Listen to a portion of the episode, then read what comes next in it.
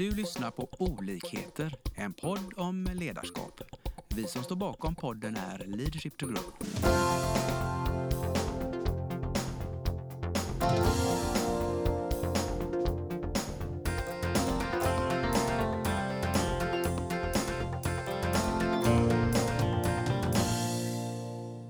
Hej och välkomna till ytterligare ett avsnitt i våran podd.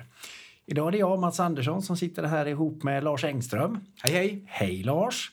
Nu sitter vi här igen. Ja. Ja. Hur ska vi klara av det här? ja nej, men det brukar ju gå ganska bra. Vi hoppas ju att eh, vi kan få lite energi och lite ja, skarpa funderingar. Ja. Jag vet att när du och jag åker bil till Stockholm så brukar ju vi ha med oss ett nödmanus ifall det skulle bli tyst. Vi har ju aldrig använt det. Nej, det, är, det är väldigt konstigt egentligen. Det är Ja. lite onödigt att vi gjorde manuset. Så kan det vara. Så kan det Nej, vara. vi har aldrig använt det. Så att, eh, vi behöver nog inte det idag heller. Nej, nu gäller det att vi inte tröttar ut alla er lyssnare där ute genom att bara prata virrvarr. Så vi ska försöka hålla en liten röd tråd i det här samtalet. Ja, vi har ju faktiskt förberett oss lite grann. Ja, det har vi. Ett minimanus. Ett minimanus. Det ska vi försöka hålla i alla fall någon form av röd tråd igenom. Ja. Men jag, jag, eh, jag tog lite initiativ till ett samtal här därför att Lars, du, har pratat ibland när vi pratar eller äter lunch och olika sammanhang om hur ganska vanligt det är faktiskt att kanske framförallt juniora ledare hamnar i en liten limbo där de vill Alltså de kommer från en kultur, de kommer ifrån ett avancemang som bygger på att de har varit jäkligt duktiga. De har alltid ställt upp och hjälpt till. Eh, men som på något sätt hämmar dem. Har du lust att utveckla vad, vad det är du pratar om? Jo, men det, det sitter ju på min näthinna för jag möter ju det jag, i min vardag när jag arbetar med Mm. eh, nyckelpersoner.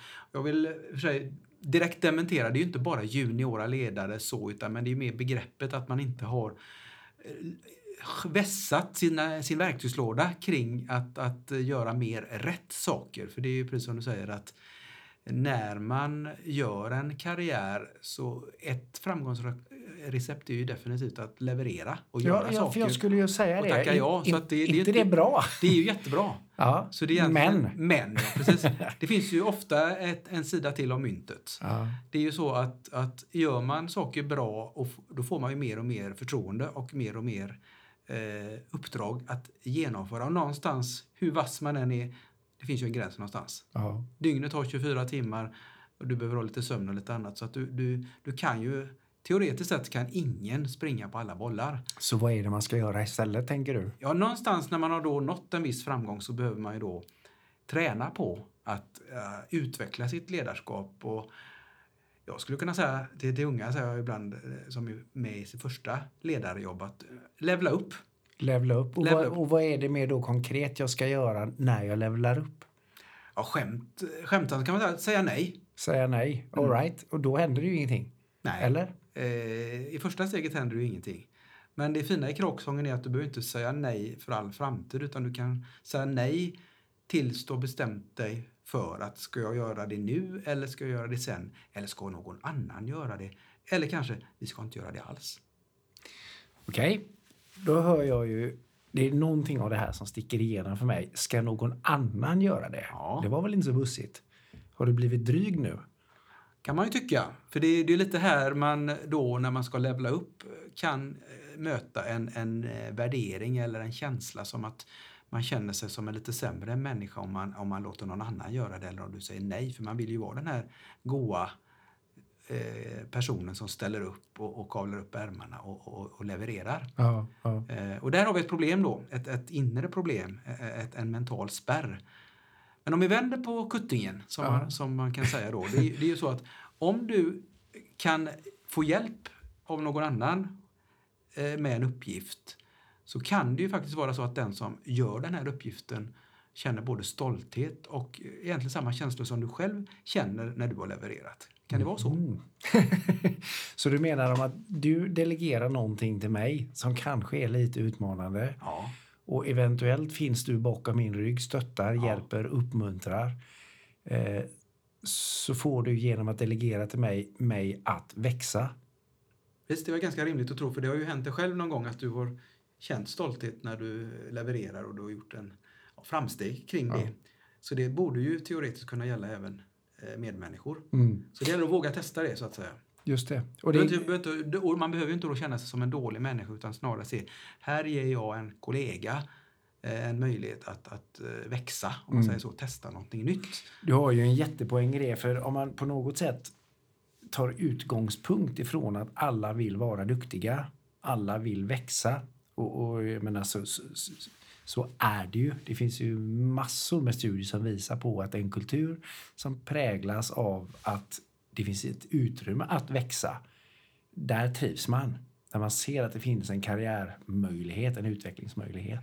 Så att om du som min chef och ledare ger mig utmanande uppgifter men inte dumpar dem i knät ut- utan eh, ger mig också stöttning. Ja, finns, som du sa, finns där bakom och stötta och Ja. fånga upp och bolla om det skulle behövas. Men ändå att, att eh, huvudansvaret är nu ska du Stina eller du Pelle eh, testa att göra det här. Mm. Då blir plötsligt delegeringen någonting väldigt fint och, och väldigt värdefullt.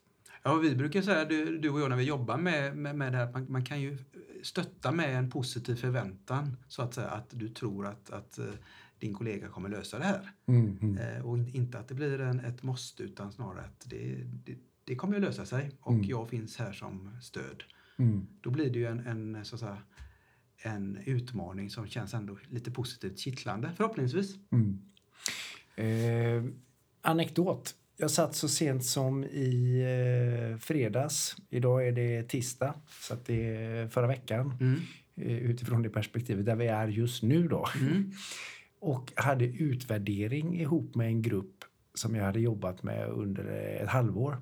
Och i slutet på den eh, dragningen som vi hade då, avslutningsgången, så bjöd vi in deras chefer för att de skulle synka ihop sig runt vad de hade lärt sig och att det blev väldigt tydligt för cheferna. Och att cheferna också kunde ge dem feedback Mm. på vad de hade sett utifrån att de faktiskt hade börjat göra. En rolig övning. Och efter att vi hade kört bordet runt så fick ju då deras chefer möjlighet att ställa fråga. Och då var det just en av, av cheferna som, sa, eller som frågade deltagarna hur tänker ni runt att delegera? Mm. Eh, och det blev ett fantastiskt samtal runt detta. Eh, och vad han ville säga med det till de här inom situationstecken nykläckta ledarna det var just det att ni måste delegera. Eh, glöm inte att delegera. Det är så ni får andra att växa. Det är så ni ger er själva utrymme att jobba med de långsiktiga frågorna som er personal inte kan jobba med. Eh, Men han var också väldigt tydlig med, med att eh, det här med att inte dumpa saker i knät. Nej, det är ju Ut- precis. utan- Och det tror jag många kan relatera till också, att man har fått så säga, dumpade grejer, kort varsel, ganska omöjlig uppgift som, som känns eh, väldigt jobbig. Det, är- Mm. det är ju inte så man ska göra. Utan, Men träna på det och börja, det börjar med ett nej och sen fundera på hur kan jag då lämna över det här på ett snyggt sätt Mm. eh, till min kollega. Mm. Det blir, så som du målar upp det där så blir det ju ett väldigt kontrollerat sätt att delegera Mm. på. Att börja med att liksom titta på sin egen vardag, sitt eget skrivbord och arbetsbelastning. Börja sortera ut vad är det jag kan göra? Vad skulle någon annan kunna göra? Vad behöver vi inte göra överhuvudtaget? Mm. Och det som landar på att någon annan kan göra det, verkligen diskutera det Precis. med vederbörande. Ja. Välja ut rätt person. Precis. Så det, det, då blir ju det här delegerandet ett mer om man säger, strategiskt beslut. Inget förhastat dumpande utan du tänker igenom själv först. Efter. Förmodligen har du gjort det här tidigare själv så du vet ju både fallgropar och eh, genvägar. Mm. Så att det, det krävs ju en, en planering och en struktur och en kommunikation till den som du ska lämna det till sen. Och sen givetvis också en, någon form av commitment eller att ja, jo, men jag, är, jag är med på detta, jag vill prova. Mm. Och då har man ju en deal och då kan vi prova och då Mm. kör vi. Mm. Och då blir det ju eh, inte så stor sak. Men som sagt, ansvaret ligger ju på dig då att först säga nej och sen reflektera kring hur gör jag ett, ett rimligt överlämnande. Mm. Du sa ju ganska så inledningsvis här att det här är ju relativt ofta någonting som sitter i ens eget huvud. En känsla, en attityd. Precis. Eh, därför att jag är fostrad i att jag ska hjälpa till. Jag ska vara en del av liksom produktionen eller vad det nu Precis. är. Och jag är inte för mer än någon annan. Nej, Nej. Då. Nej, och det är också förmodligen en, en framgångsnyckel. Du har, ju, du har ju gjort bra saker utifrån det, att du levererar och kavlar upp ärmarna. Så det, det gäller ju då, Så- som du säger. Så, att, så nu ska jag ändra mitt framgångskoncept. Precis. Så det här är ju en ganska så stor mental omställning. Ja, jag skulle säga det största är ju det mentala inre eh, hindret. Att du behöver göra okeja dig själv att nu ska jag faktiskt säga, inte bara göra så, utan jag ska ibland säga nej och eh, släppa det. Mm. Och det är ju inte, det är inte 100% av det ena eller 100 av det andra, utan just det, det är den här avvägningen. Eh, man kan delegera ganska mycket, men givetvis finns det saker som du fortfarande ska göra. Mm. Men och, om jag då... Alltså, hur skulle du säga att man ska jobba med den här inställningen, känslan, eh, jobba bort mitt gamla framgångskoncept och ersätta det med ett nytt? Ändra på sina attityder här. Ja, men jag tror det en stor, som du var inne på, del i det, det är ju att verkligen se att du vill väl unna dina medmänniskor att växa också, precis som du har gjort. Du vill väl inte ha, ha det för dig själv, den känslan, för det är ju en god känsla att leverera. Så att, att om du kan krydda det här med att du, du är duktig, du kan väl dela med dig lite och vara lite generös med den här, att låta någon annan få glänsa också. Just det. Eh, För du vill ju inte vara den här som sitter och håller på det här. Då kan du ju använda det mentalt att eh, det är inte riktigt snyggt och schysst att, att ta allt det gott jag själv. Mm. Det kan ju vara ett sätt att, att balansera den mentala spärren, att, att eh, vara generös, att försöka eh, delegera utvecklingen. Mm. Ja, det låter ju... Men som sagt, i stunden kan det ändå vara svårt. Att, eh, men en annan sak jag tycker man kan göra med sig själv är ju det här att eh, ju mer erfarenhet man har och ju mer man har varit med i en verksamhet, eh, ju mer viktigt är det ju att göra rätt saker. Att är det verkligen rätt saker att ta upp alla bollar och springa? Just det. Förmodligen inte, utan du behöver när du ska så att säga, levela upp för att få utrymme för de viktigaste bollarna be- behöver du släppa några. Och det är jobbigt. Men, men jag skulle påstå att i, som då lite mer erfaren så är det ju tjänstefel att inte säga nej, att inte delegera. För då blockar du dig för de riktigt viktiga sakerna. Ja. Det låter ju i så fall som att ett, en jätteviktig nyckel i det här det är att eh, regelbundet bromsa upp, stanna och fundera, reflektera. Precis, reflektionen, precis som du, vi pratar ju om det jämt Ja. i, i många, men här är det extra viktigt att reflektera i här, att inte ta det på uppstuds och bara springa och leverera som du är van vid, utan Mm. bryta mönstret. Hallå, hallå, jag måste, jag måste göra rätt saker, inte bara saker. Så stanna upp, på något sätt lysa lite grann bakåt med ficklampa. Vad har hänt sista tiden som har lett mig fram till där jag är nu? Eller vi? Precis. Och sen utifrån det nuläget, vad ska hända framåt? Vad ska jag säga ja till? Vad ska jag säga nej till? Vad är det som Precis. behöver göras för att vi ska nå våra affärsmässiga resultat? Precis. Vad kan jag delegera? Precis. Och, och gör man det, det är ju egentligen då som, som en av våra mentorer då säger att eh, delegering är ju en av ledarskapets huvudnycklar faktiskt. Mm, mm. Gör man det framgångsrikt så skapar du tillväxt och utveckling hos dina kollegor men även för dig själv. Mm. För du får tid att fokusera och reflektera kring det här rätt saker, lite långsiktigt, lite mindre brandkår Mm. etc. Det här låter väldigt Ja. bra. Sen har vi den högre skolan då som vi gärna vill ut, eh, utmana lyssnarna till. Det är det här med att delegera uppåt. Har ni provat det? Eh, det, det där är ju ett ganska intressant begrepp och jag har jobbat i en organisation där man har försökt att slå hål på det där.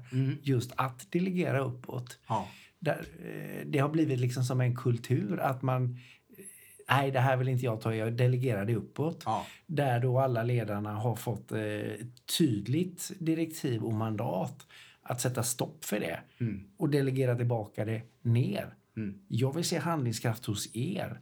Ni har mandat att ta beslut. Nu gör ni det lätt för er. Det här ska ni lösa. Precis. Men ni har också mandatet, så var inte oroliga. Men ni förväntas göra det. Ja. Ja, men den är snygg. Men då, då har du en, en ledare som bemöter en sån, ett sånt försök till eh, Ja. eh, är också mogen att bolla tillbaks det. Att Ja. ni har resurserna. Men det är just det att i den processen tänker eh, vi oss att det är viktigt att ifrågasätta ibland uppåt. Är det tydligt nog? Är det rätt prioriterat? För att är inte den hemläxan gjord så är det otydligt. Mm. Då är det ändå en bra check att fråga sin ledare eller sina ledare, är det rätt prioriterat i det sammanhanget eller Mm. med den, de andra prioriteringarna vi har eller de andra målen vi har? Mm. Och den provtryckningen är ju en del, så att, det- man försöker delegera det uppåt, man får tillbaks tydlighet, att det Ja. är det här som gäller. Och det är lite så, den goda uppåtdelegeringen är av den karaktären, inte för att bli av med så att säga, skitjobbet utan att få en tydlighet i prioritering, en tydlighet i vem är bäst skaffad att göra det. Mm. Du, eh, tror du jag klarar av att sammanfatta det här i två ord? Det känns så. Det känns så. Mm. Ska jag prova? Vi, vi, vi give it a try. Ja, är du beredd? Yes, Då jag är, kör med. jag. jag är med. Akta dig. Delegera mera. Ja, där har vi den. Vad tror du om det? Ja, jag tror det räcker så. Ja. Eh, Så nu är det bara för er där hemma eller var ni nu sitter och lyssnar. Ut och öva på detta för det här är ju inget man... Man måste öva, eller hur? Ja. Hämma inte tillväxten genom att ta på er allting själva utan eh, på riktigt delegera mera och se hur de runt omkring er växer och med det hur era verksamheter växer. Tack för att ni tog er tid att lyssna på oss och tack Lars. Tack själv. Vi hoppas att vi har väckt tankar om hur du kan utveckla och stärka ditt personliga ledarskap. Följ oss gärna på våra sociala medier där vi heter Leadership to Grow. Om du vill ha mer inspiration och verktyg, gå in på vår hemsida leadershiptogrow.com. Tack för att du lyssnar.